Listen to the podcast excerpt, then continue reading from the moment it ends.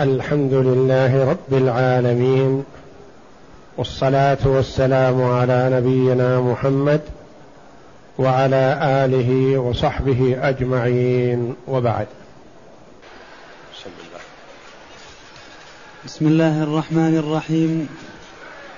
قال المؤلف رحمه الله تعالى أصحاب الثلث. أصحاب الثلث. في هذا الفصل يبين المؤلف رحمه الله تعالى من يرث الثلث من أهل الميراث. وقد تقدم لنا من يرث الثلثين وهم أربعة أصناف. البنتان فأكثر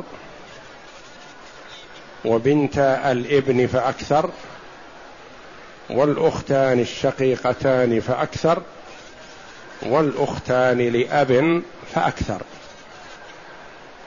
وتقدم لنا شروط ميراث هؤلاء للثلثين وأنه يشترط في الجميع أن يكن اثنتين فأكثر وأن لا يوجد معهن معصب. ويشترط زيادة في بنات الإبن أن لا يوجد من هو أعلى منهن. ويشترط زيادة في الأخوات الشقيقات أن لا يوجد أصل وارث ولا فرع وارث. ويشترط في الأخوات الشقيق الأب كذلك مع عدم الأشقاء والشقائق. وهذا تقدم. والآن الكلام على من يرث الثلث. نعم. كم أصحاب الثلث وما شرط إرث كل صنف منهم الثلث؟ كم صنف؟ كم صنف من الورثة يأخذ الثلث. هم ثلاثة أصناف. الأم وولداها والجد في بعض أحواله. هؤلاء اللائي ممكن أن يأخذوا الثلث. الأم تأخذ الثلث بشروط. والأخوان أو الأختان لأم يأخذان الثلث بشروط. والجد يأخذ الثلث في بعض أحواله كما سيأتي إن شاء الله في باب الجد والإخوة. ما هي الشروط التي تأخذ بها الأم الثلث. نعم. أصحاب الثلث ثلاثة. الأم ثلاثة ليس المراد ثلاثة أفراد وإنما ثلاثة أصناف. ثلاثة أصناف لا ثلاثة أفراد. نعم. الأم والإخوة لأم والجد في بعض أحواله. الأم والإخوة لأم والجد قال في بعض أحواله لأن في بعض الأحوال لا يأخذ الثلث. نعم. وشروط إرث كل واحد وشرط إرث كل واحد منهم الثلث كالتالي. أولا الأم تستحق الثلث بشروط ثلاثة. الأم تأخذ الثلث بعد وفاة ابنها أو بنتها بشروط ثلاثة. إذا توفرت الشروط الثلاثة هذه أخذت الثلث. وإلا فسياتينا أنها من أصحاب السدس. الأم نأخذها الآن أنها من أصحاب الثلث ونأخذها بعد ذلك إن شاء الله بأنها من أصحاب السدس. كما تقدم لنا أخذنا الزوج من أصحاب النصف ثم أخذناه في درس بعده من أصحاب الربع. فكذلك الأم نأخذها الآن بأنها من أصحاب الثلث بثلاثة شروط. إذا توفرت الشروط الثلاثة أخذت الثلث. وإذا اختل شرط منها انتقلت إلى السدس ولا تنقص عنه. نعم. الأم تستحق الثلث بشروط ثلاثة. عدم الفرع الوارث. نعم. عدم الفرع الوارث. إذا كان للميت فرع وارث حجب الأم من الثلث إلى السدس. إذا كان الميت له ابن أو له بنت أو له ابن ابن وإن نزل أو له بنت ابن أو بنت ابن ابن وهكذا. إذا وجد للميت فرع وارث حجب الأم من الثلث إلى السدس. فالشرط هنا عدمي يشترط عدم الفرع الوارث. وقال الفرع المرود المراد به الأبناء والبنات. وقال الوارث ليخرج الفرع غير الوارث لأن هناك فرع غير وارث لا يؤثر على الأم. كأن يكون للميت مثلا ابن بنت أو بنت بنت. هؤلاء فرع لكن ليسوا بوارثين فلا يؤثرون على الأم. نعم. عدم الجمع من الإخوة. عدم الجمع من الإخوة يعني ألا يوجد للميت أخوان فأكثر. فإن وجد للميت أخوان فأكثر حجب الأم من الثلث إلى السدس. وسواء كان هؤلاء الإخوة ذكورا أو إناثا. وسواء كانوا من الأب والأم أو من الأم وحدها أو من الأب وحده. وسواء كانوا وارثين أو محجوبين بشخص. فإنهم يحجبون الام من الثلث إلى السدس. ذكورا أو إناثا. وارثين أو غير وارثين محجوبين بشخص. بخلاف المحجوب بوصف فهذا لا يؤثر على أحد. فرق بين المحجوب بشخص والمحجوب بوصف. المحجوب بوصف لا يؤثر. وجوده كعدمه. يعني محجوب لكونه رقيق. هذا لا يؤثر. محجوب يعني ممنوع من الميراث لكونه كافر. هذا لا يؤثر. محجوب عن الميراث ممنوع لكونه قاتل. لا يؤثر. وجوده كعدمه. وإنما الذي يؤثر على الأم هو المحجوب بشخص يعني إخوة لأم غير وارثين يحجبون الأم من الثلث إلى السدس. إخوة لأب غير وارثين يحجبون الأم من الثلث إلى السدس. إخوة أشقاء غير وارثين يحجبون الأم من الثلث إلى السدس. نعم. والجمع اثنان فصاعدا.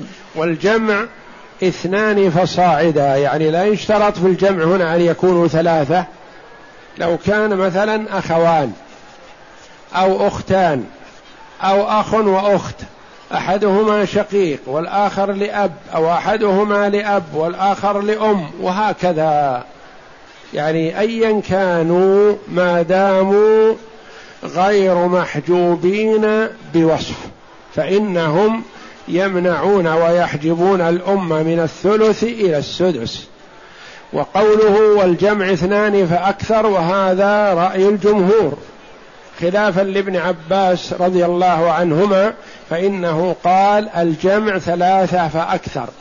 يعني يقول الاثنان لا يحجبان الأمة من الثلث إلى السدس وإنما الذي يحجب الأمة من الثلث إلى السدس الثلاثة فأكثر. نعم. سواء كانوا ذكورا أو إناثا. وارث نعم. وارثين أو محجوبين بشخص. انتبه محجوبين بشخص ليخرج المحجوبين بوصف لا قيمة لهم. نعم. وسواء كانوا أشقاء أو لأب أو لأم أو مختلفين. أشقاء أو لأب أو لأم أو مختلفين يعني واحد شقيق وواحد لأب واحد شقيق وواحد لأم أخ شقيق وأخت لأم وهكذا ذكورا أو إناثا. نعم.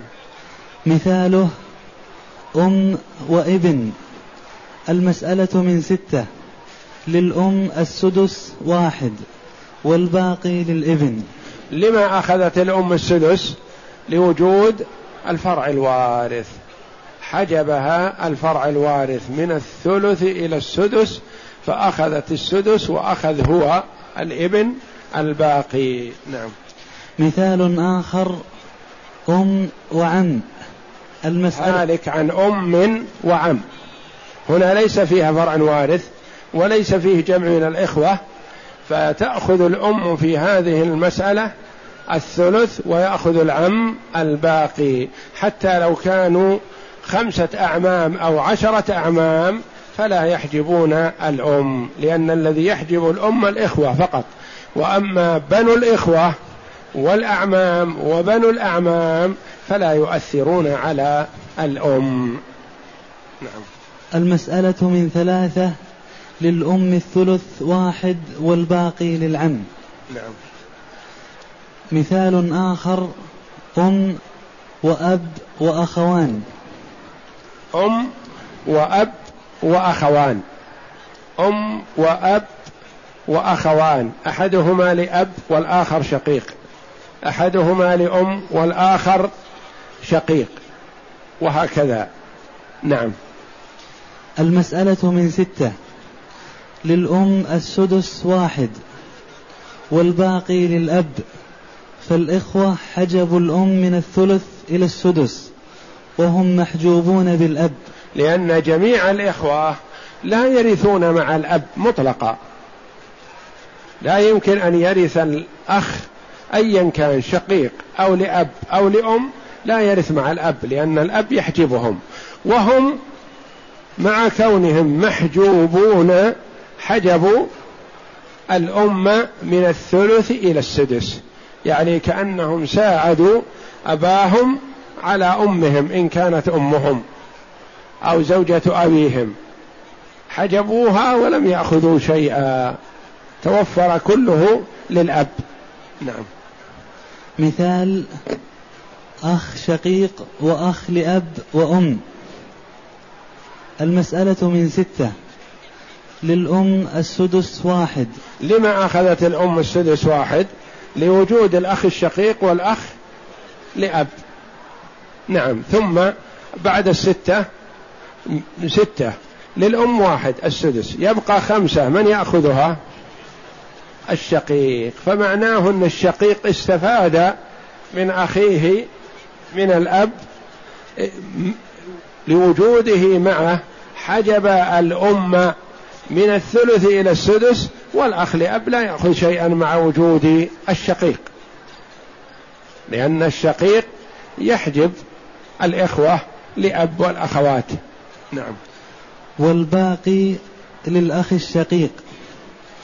والأخ لأب يسقط بالأخ الشقيق إلا إن و... إلا إن وجده إلا أن إلا أن وجوده. وجوده حجب الأم من الثلث إلى السدس.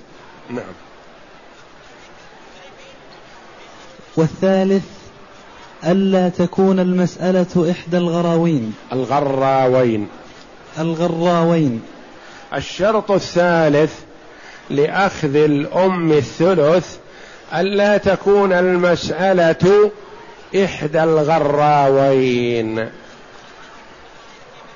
نعم. ما هي الغراء الغراوان. ما هي الغراوان وما أسماؤها وأركانها؟ ما هي الغراوان؟ هناك انتبه. قال والثالث ألا تكون المسألة إحدى الغراوين. وهنا قال ما هي الغراوان؟ لأن هناك إحدى مضاف والغراوين مضاف إليه مجرور بالياء. وهنا ما هي الغراوان؟ مبتدا وخبر مرفوع بالألف. الغراوان. الغراوان مسألتان. مسألتان محدودة في الفرائض. لها أسماء عديدة. سميت بالغراوين. وسميت بالعمريتين. وسميت باليتيمتين. وسميت بالغريبتين. وسميت بالغريمتين. وهكذا. فأسماؤها كثيرة وهي مسألتان فقط. لا ثالث لهما.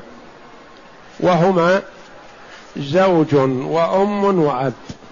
وزوجة وأم وأب. هذه الغراوان. زوج وأم وأب. زوجة وأم وأب. في هذه المسألة لا تأخذ الأم الثلث. في المسألتين هذه لا تأخذ الأم الثلث وإنما تأخذ ثلث الباقي.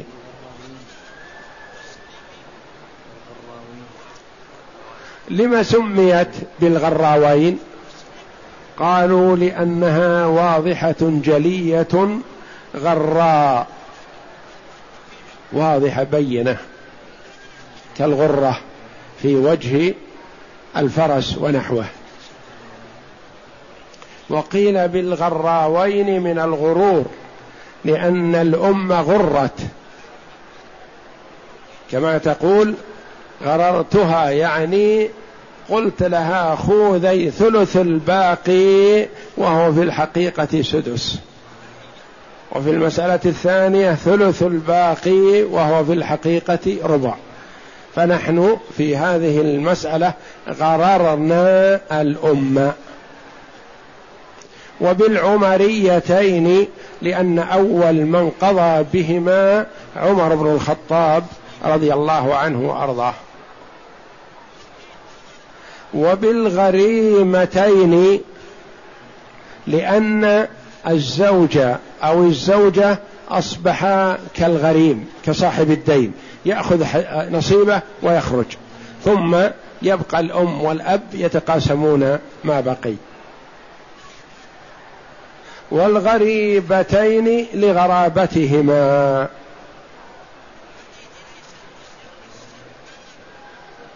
نعم. الغراوان زوج وأم وأب. هذه واحدة. أو زوجة وأم وأب. هذه الثانية. وما الأبوان مع أحد الزوجين. الأبوان مع أحد الزوجين. هذه هي الغراوان والعمريتان والغريبتان والغريمتان إلى آخره.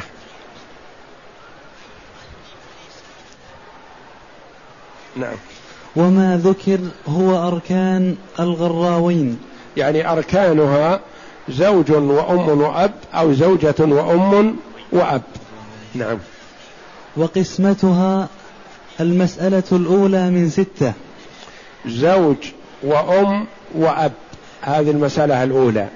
زوج هلك هالك عن زوج وأم وأب. المسألة من ستة.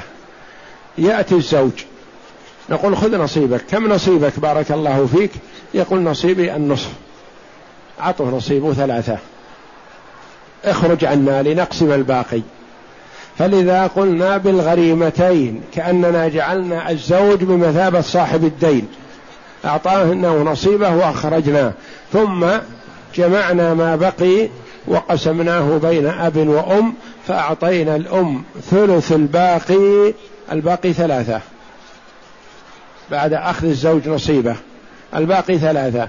نقول لك أيها الأم الحنون لك الثلث الباقي. نعطيها الثلث. ترضى. إذا قلنا لها ثلث الباقي رضيت. ونعطي الأب الباقي. خرجت بثلث الباقي. كم هو في الحقيقة؟ هو سدس.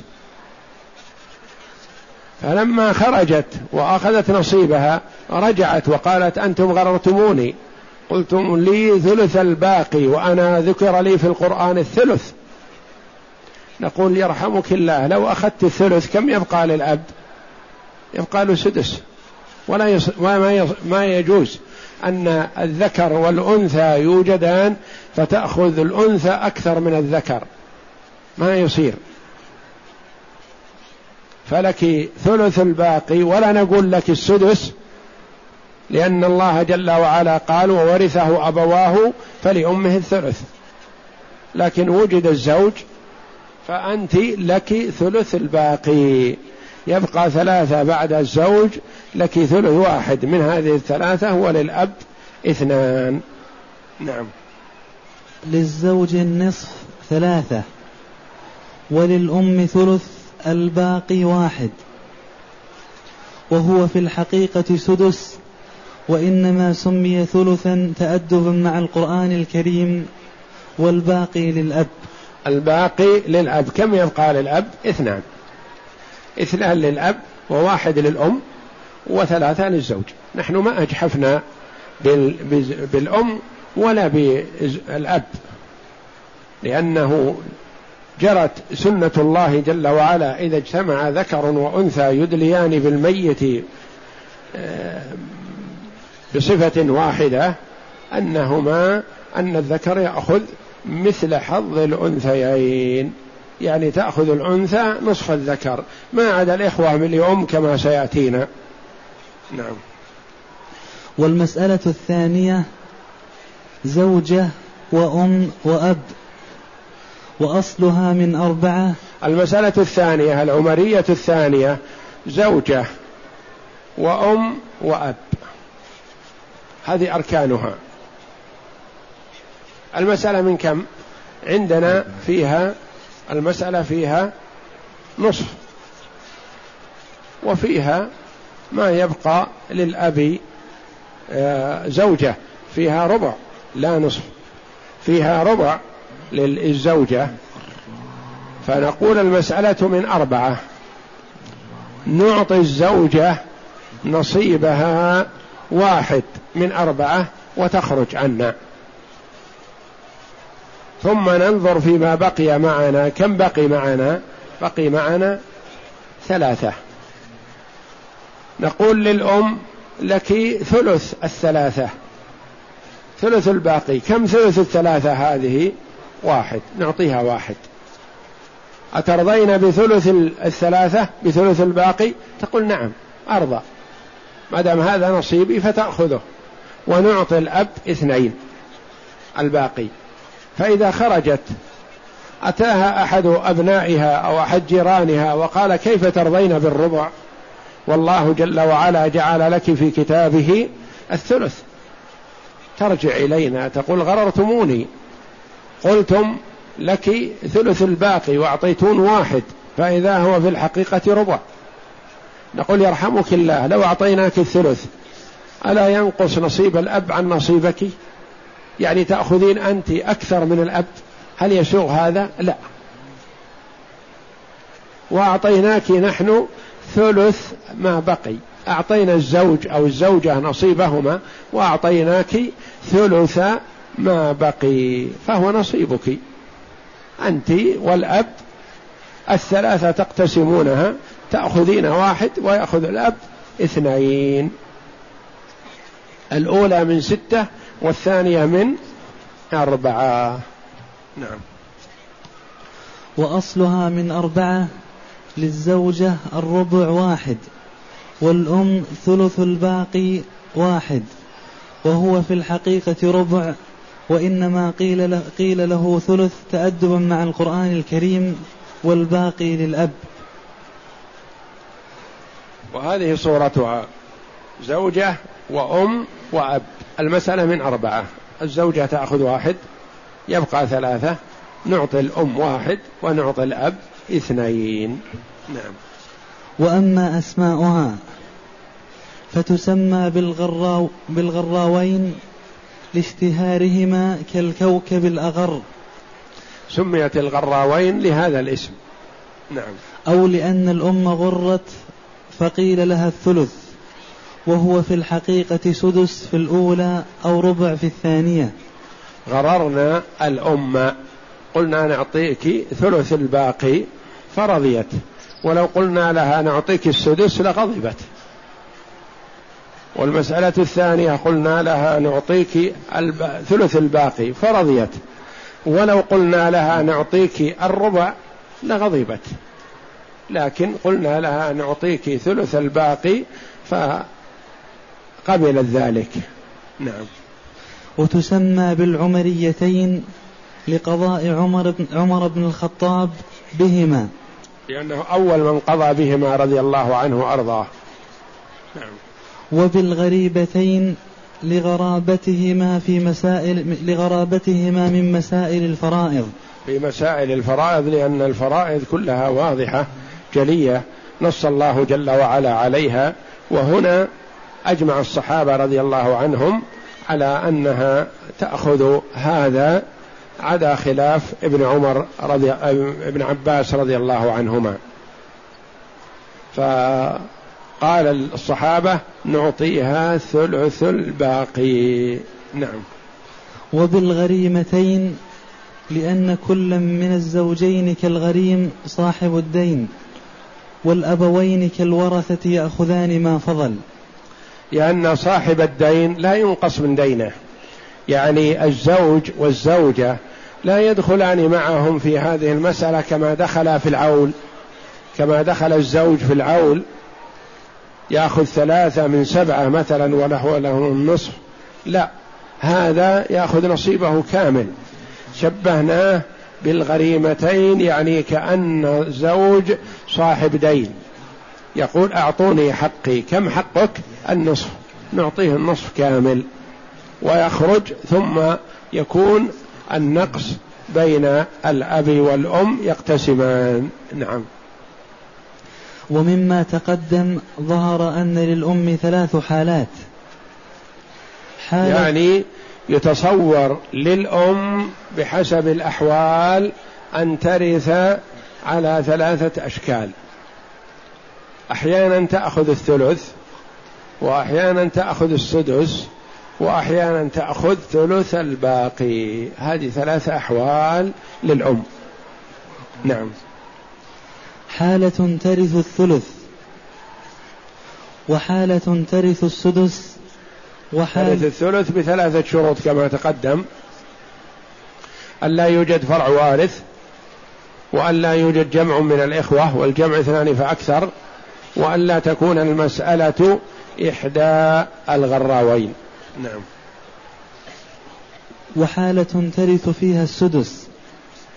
وحالة ترث فيها السدس إذا وجد فرع وارث أو وجد جمع من الإخوة. نعم. وحالة ترث ثلث الباقي. وحالة ترث ثلث الباقي إذا كانت إحدى الغراوين. نعم. ولها حالة رابعة. لها حالة رابعة يعني يتصور في باب الفرائض وإلا فهي, فهي لا تزيد لا تأخذ زيادة على نصيبها لكن يتصور في باب الفرائض أن تكون الأم لها حال لا يزيد في ميراثها وإنما يرث عصبتها. نعم. وهي إذا لم يكن لولدها أب لكونه ولد ولد زنا أو منفيا بلعان ونحو ذلك. فإنها ترث أمه. وذو فرض منه فرضة وعصبته بعد ذكور ولده وإن نزل وإن نزل عصبة أمه في إرث فقط لا في ولاية وعقل ونكاح. نعم. هذه الحالة أحب المؤلف رحمه الله تعالى كما مشى عليه كثير من الفرضيين بيانها وإن كانت لا تزيد في نصيب الأم لكن تتصور وجودها.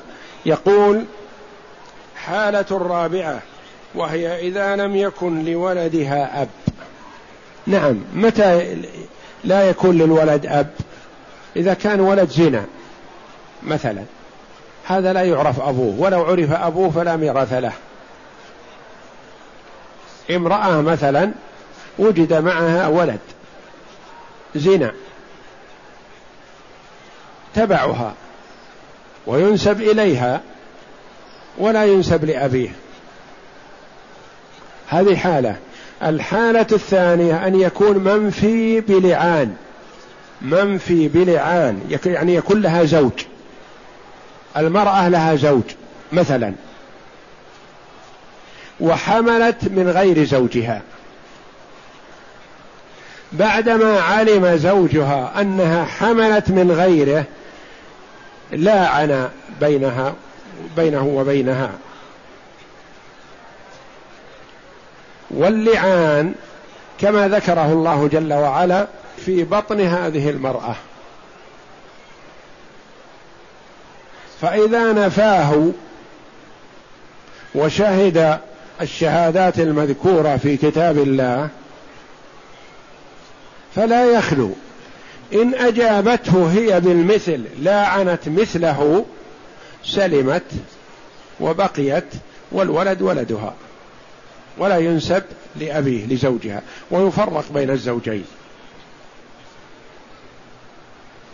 وإن رفضت الملاعنة أقيم عليها الحد حد الزنا فترجم. وينتهي أمرها. لأنها عبارة كأنها اعترفت بالزنا فيقام عليها حد الزنا وترجم لأنها متزوجة. فإن لاعنت مثله فرق بينهما. ثم بعد ذلك ولدت هذا الولد أو كانت الملاعنة بعد الولد. مثلا.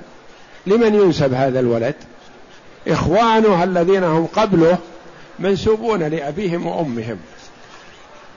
هذا الولد لا ينسب لأبيه. أبوه تبرأ منه. وثبت ذلك شرعا بإقامة اللعان بينهما بإجراء اللعان يجريه الحاكم الشرعي. كما في قوله تعالى والذين يرمون أزواجهم ولم يكن لهم شهداء إلا أنفسهم فشهادة أحدهم أربع شهادات بالله إنه لمن الصادقين والخامسة أن لعنة الله عليه إن كان من الكاذبين ويدرأ عنها العذاب أن تشهد أربع شهادات بالله إنه لمن الكاذبين والخامسة أن غضب الله عليها إن كان من الصادقين. هذه آيات اللعان. هذا الولد إذا تلاعن أبوه وأمه أصبح ليس لأبيه لأن أبوه تبرأ منه وليس أبا له بزعمه أنه حمل زنا. إذا مات هذا الولد هذا الذي هو أبو إخوانه من الأم لا يرثه. ترثه أمه. إن كان تزوج وله أولاد فيرث أولاده. لكن ما تزوج وليس له أولاد. من يرثه؟ يرثه عصبة أمه. عصبة أمه. يرثونه. عصبة أمه من هم؟ أولادها ثم إخوانها. فهذا هو الولد المنفي بلعان وولد الزنا. عصبته بعد ذكور ولده عصبة أمه. يعني أول عصبة ابنه إن كان له ابن ثم ابن ابنه ثم ابن ابن ابن ابنه وهكذا وإن نزل. ما وجد له ابن ولا ابن ابن. أخوانه لا ليسوا بعصبة له ما داموا ليسوا بأولاد لأمة.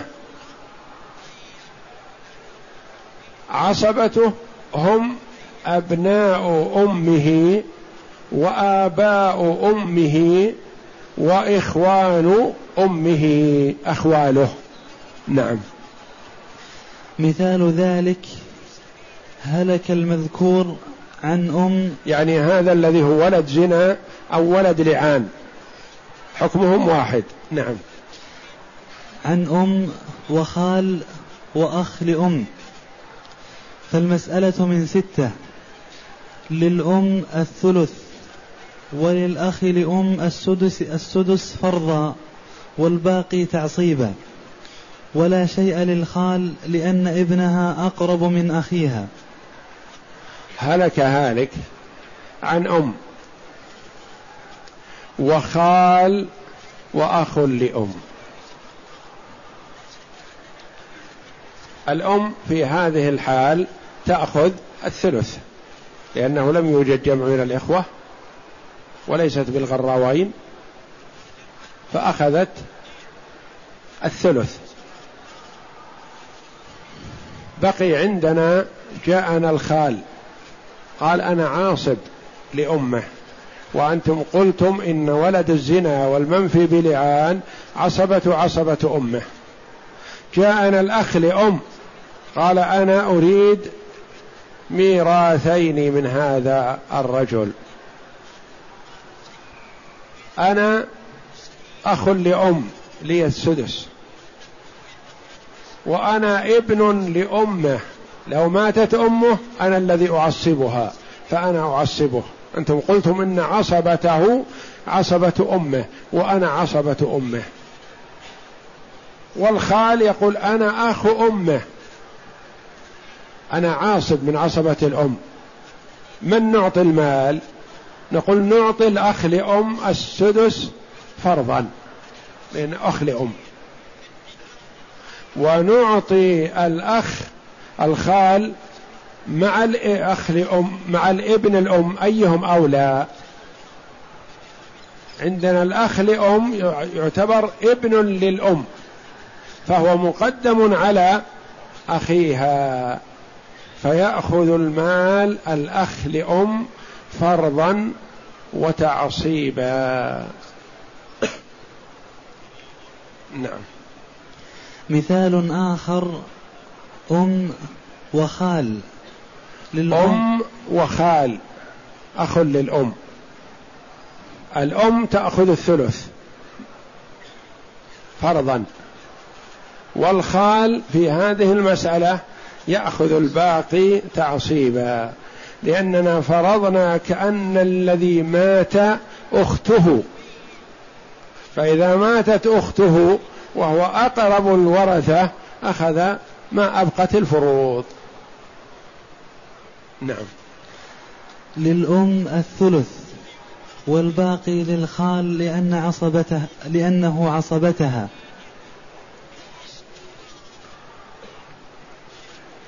نعم.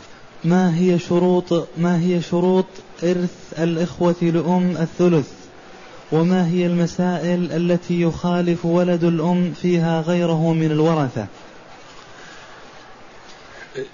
شروط إرث الإخوة لأم الثلث ثلاثة شروط. أن يكونوا اثنين فأكثر. وأن لا يوجد فرع وارث ولا يوجد أصل من الذكور وارث. ويأتي تفصيل هذا إن شاء الله في الدرس القادم. والله أعلم. وصلى الله وسلم وبارك على عبده ورسول نبينا محمد وعلى آله وصحبه أجمعين. اقسم. هلك هالك. عن أم وأخ.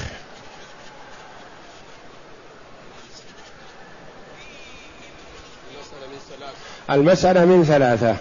للأم الثلث واحد وللأخ سواء كان لأب أو شقيق. له الباقي تعصيبا. هلك هالك. عن أم وبنت وعم. المسألة من ستة. للأم السدس واحد. لما؟ لوجود الفرع الوارث. وللبنت النصف ثلاثة. والباقي للعم تعصيبا. هلك هالك. عن أم وأخ لأم وأخ شقيق.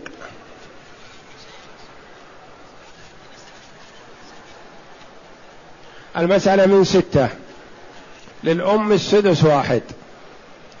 وللأخ لأم السدس واحد. والباقي للأخ الشقيق تعصيبا. لقوله صلى الله عليه وسلم ألحق الفرائض بأهلها فما بقي فلأولى رجل ذكر. لما أخذت الأم السدس هنا لوجود الأخوين. هلك هالك عن أم وأخ شقيق وأخ لأب. المسألة من ستة. للأم السدس واحد. والباقي للأخ الشقيق. والأخ لأم والأخ لأب ما أعطيناه شيء. لما؟ لأنه حجبه الأخ الشقيق. طيب لما أعطينا الأم السدس ولم نعطيها الثلث؟ لأنه لم يرثه إلا أخ واحد. لوجود الأخ لأب المحجوب بوصف بشخص مع الأخ الشقيق. هلك هالك عن زوجة وأم وأب.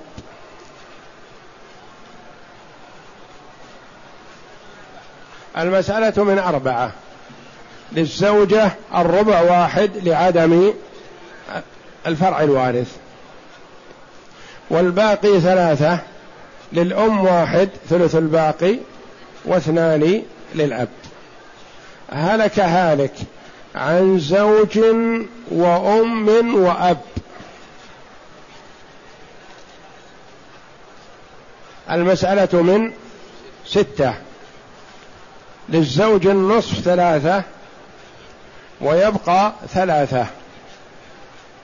تأخذ الأم ثلث الباقي واحد من هذه الثلاثة ويأخذ الباقي الأب وقدره اثنان. الأم في هذه المسألة أخذت سدس في الحقيقة وسميناه ثلث الباقي تأدبا مع القرآن. هلك هالك عن هذا الهالك ولد تلاعن فيه أبواه فنفاه أبوه ولل وله أم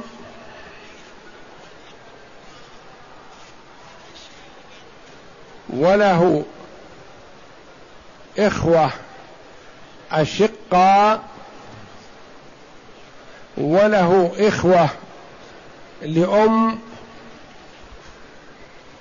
وله إخوة من هذا الأب الذي نفاه. ماذا تكون مسألته؟ له أم وأخ من أبوي هؤلاء الذي الذي نفاه أبوه وأخ من أم فقط وأخ من أب الذي نفاه. المسألة من من كم؟ من ستة. المسألة من ستة لأن الأم ستأخذ السدس في هذه الحال لوجود الجمع. المسألة من ستة. للأم السدس واحد. بقي معنا ثلاثة الأخوة المنوعين. واحد من أم فقط. واحد من أب فقط. الأب الذي نفاه. واحد من الأبوين من الأم والأب الذي نفاه لمن يكون الميراث؟ نعتبر الأخ من الأب لا شيء له لأن أبوه نفاه وليس له شيء ولا قرابة بينهما. بقي معه أخ من أمه ومن أبيه الذي نفاه وأخ من أمه فقط ورجل أجنبي مثلا لمن يكون المال؟ بينهما. لهما الثلث فرضا. أخذت الأم السدس ولهما الثلث اثنان فرضا. بصفتهما إخوان من الأم. ولهما الباقي تعصيبا بصفتهم عصبة لأمه. والله أعلم. وصلى الله وسلم وبارك على عبده ورسول نبينا محمد وعلى آله وصحبه أجمعين. يقول أنا رجل أشكو من كثرة إعادة الوضوء حيث أنني أحس أجلس في الحمام قرابة ساعة أو أقل وكل هذا أتوضأ وأعيد الوضوء. فجعلت أصلي آخر الليل كل الصلوات جميعا. فماذا علي؟ لا يا أخي لا يجوز لك هذا. هذا حرام عليك. تسلم قيادتك بيد الشيطان يتلاعب بك ويفسد عليك عبادتك لله. ولا تصح صلاتك. لو صليت الليل كله بهذا الشكل فلا صلاة لك. إن الصلاة كانت على المؤمنين كتابا موقوتا أي مفروضا في الأوقات. والشريعة الإسلامية ما تركت ولله الحمد صغيرة ولا كبيرة إلا وبينت حكمها الشرعي. المصاب بسلس البول بين حكمه. المصاب بعدم استمساك الريح بين حكمه. المصاب بعدم استمساك الغائط بين حكمه. المستحاضة بين حكمها التي يخرج منها الدم باستمرار. الوسوسة من تلاعب الشيطان يتسلط على ابن آدم ليفسد عليه عبادته. يأتي للرجل المحافظ على الصلاة الذي لا يترك فريضة لا يقول له اترك الصلاة. يبدأ يشكك به في عند الوضوء فيجعله كحال هذا المسكين يجلس للوضوء ساعة يدخل وقت الصلاة ويخرج وهو ما خرج. أفسد عليه عبادته وما صلى. يأتي إلى الرجل الذي يتقدم إلى المسجد قبل الأذان أو بعد الأذان مباشرة فيجعله يسابق الإمام أو يساوي الإمام فيفسد عليه صلاته.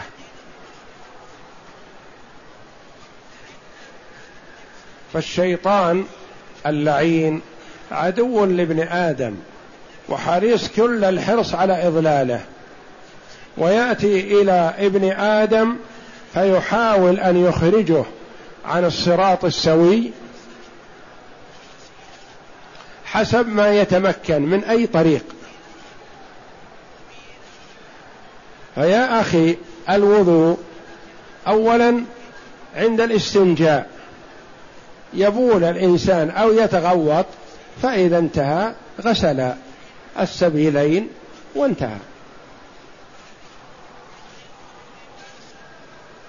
وإذا خشي من وسوسة أو تلاعب الشيطان يرش على إزاره أو على سرواله قليل من الماء حتى لا يلتفت لما يحس به من رطوبة فيما بعد. يقول هذا من الماء الذي رششته. ولا يلتفت. ثم يتوضأ. يغسل وجهه مرة واحدة يكفي. والمرتان أفضل. والثلاث أفضل من الثنتين. والرابعة وسوسة وإسراف. لا تغسل أربع. فيتسلط عليك الشيطان. إذا شككت في الثلاث هل هي ثلاثة أو اثنتين؟ لا تغسل. ثالثة فتخرج فتكون رابعة اقتصر على الثنتين. وأرغم الشيطان. وتوضأ كما يتوضأ إخوانك المسلمون واخرج إلى الصلاة يا أخي. وصل معهم. إذا جمعت الصلوات كلها بالليل لا قيمة لها ولا فائدة منها وهذا تلاعب. هذا تشريع. أنت شرع لك الشيطان فاتبعته والعياذ بالله. لا يا أخي. هذا حرام عليك. يتلاعب بك الشيطان وتسلم زمامك بيده ليهلكك. يذهب بك إلى النار معه. الوضوء معروف والحمد لله. كان النبي صلى الله عليه وسلم يتوضأ بالمد ويغتسل بالصاع. المد ما هو يا أخي؟ المد ملء الكفين هكذا.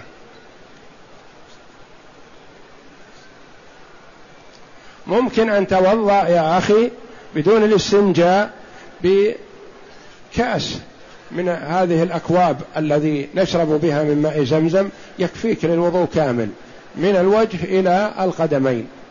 وضوء شرعي صحيح والحمد لله لأن ملء هذا الكأس بقدر المد تقريبا لأن المد ملء كفي الرجل متوسط الخلقة. بخلاف الكفين الكبيرين فيه ما يملاها أقل من ملأها. والكفين الصغيرين تزيد يزيد المد عنها. فالرجل متوسط الخلقة ملء الكفين هذا يعتبر مد. يتوضأ به النبي صلى الله عليه وسلم. يتمضمض ويستنشق ويغسل وجهه ثلاث مرات ويغسل يده اليمنى إلى المرفقين ثلاث مرات ويده اليسرى إلى المرفقين ثلاث مرات ويغسل رجليه ثلاث مرات بهذا المد يا أخي. والمد هذا هو. فلما الواحد من الناس يتوضأ بالجوالين من المياه؟ إسراف وتلاعب وتضييع للمال وإسراف وتسلط من الشيطان على العبد.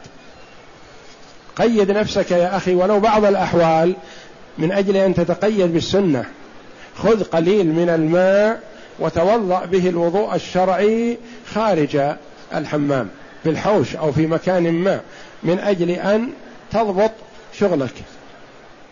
ولا تزد زيادة عن المد قليل لا بأس تنقص عنه قليل لا بأس.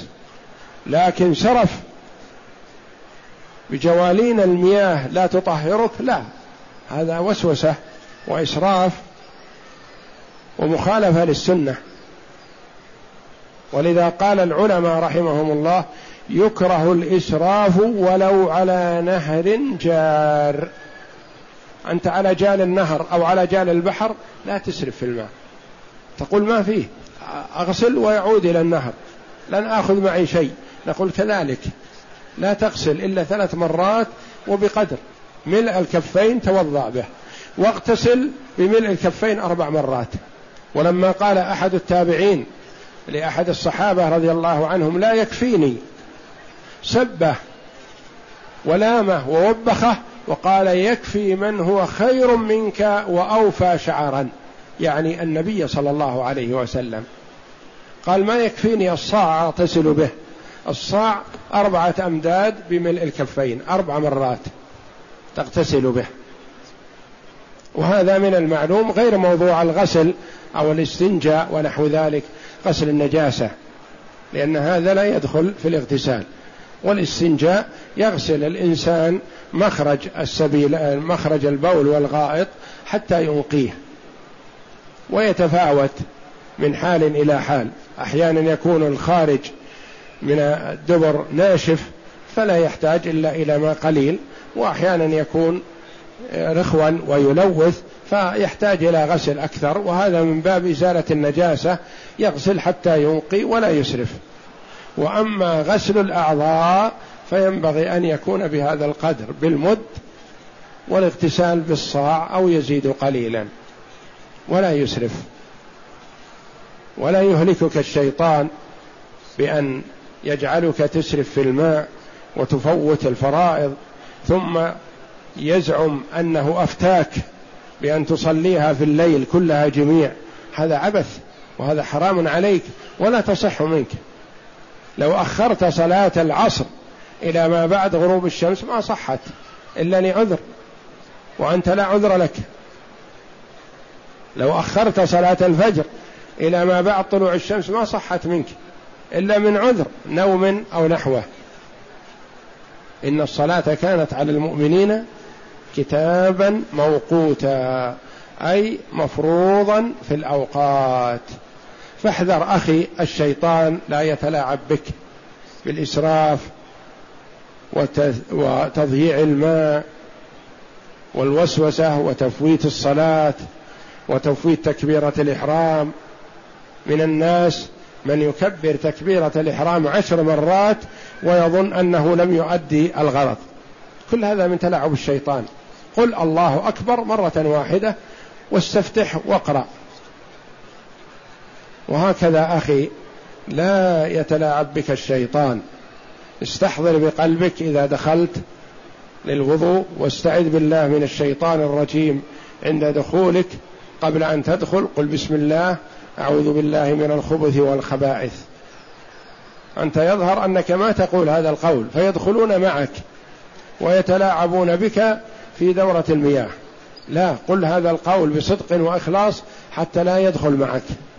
يقول السائل أنا أعمل في مستشفى حكومي تابع لوزارة الصحة في قسم التحاليل فما حكم إعطاء أي شخص غير مريض بصرف له أدوية أو إعطائه أدوات التحليل لكي يستخدمها في بيته مع أن التعليمات تنص بعدم صرف أي شيء إلا بطريقة رسمية لكن أريدها مساعدة للناس.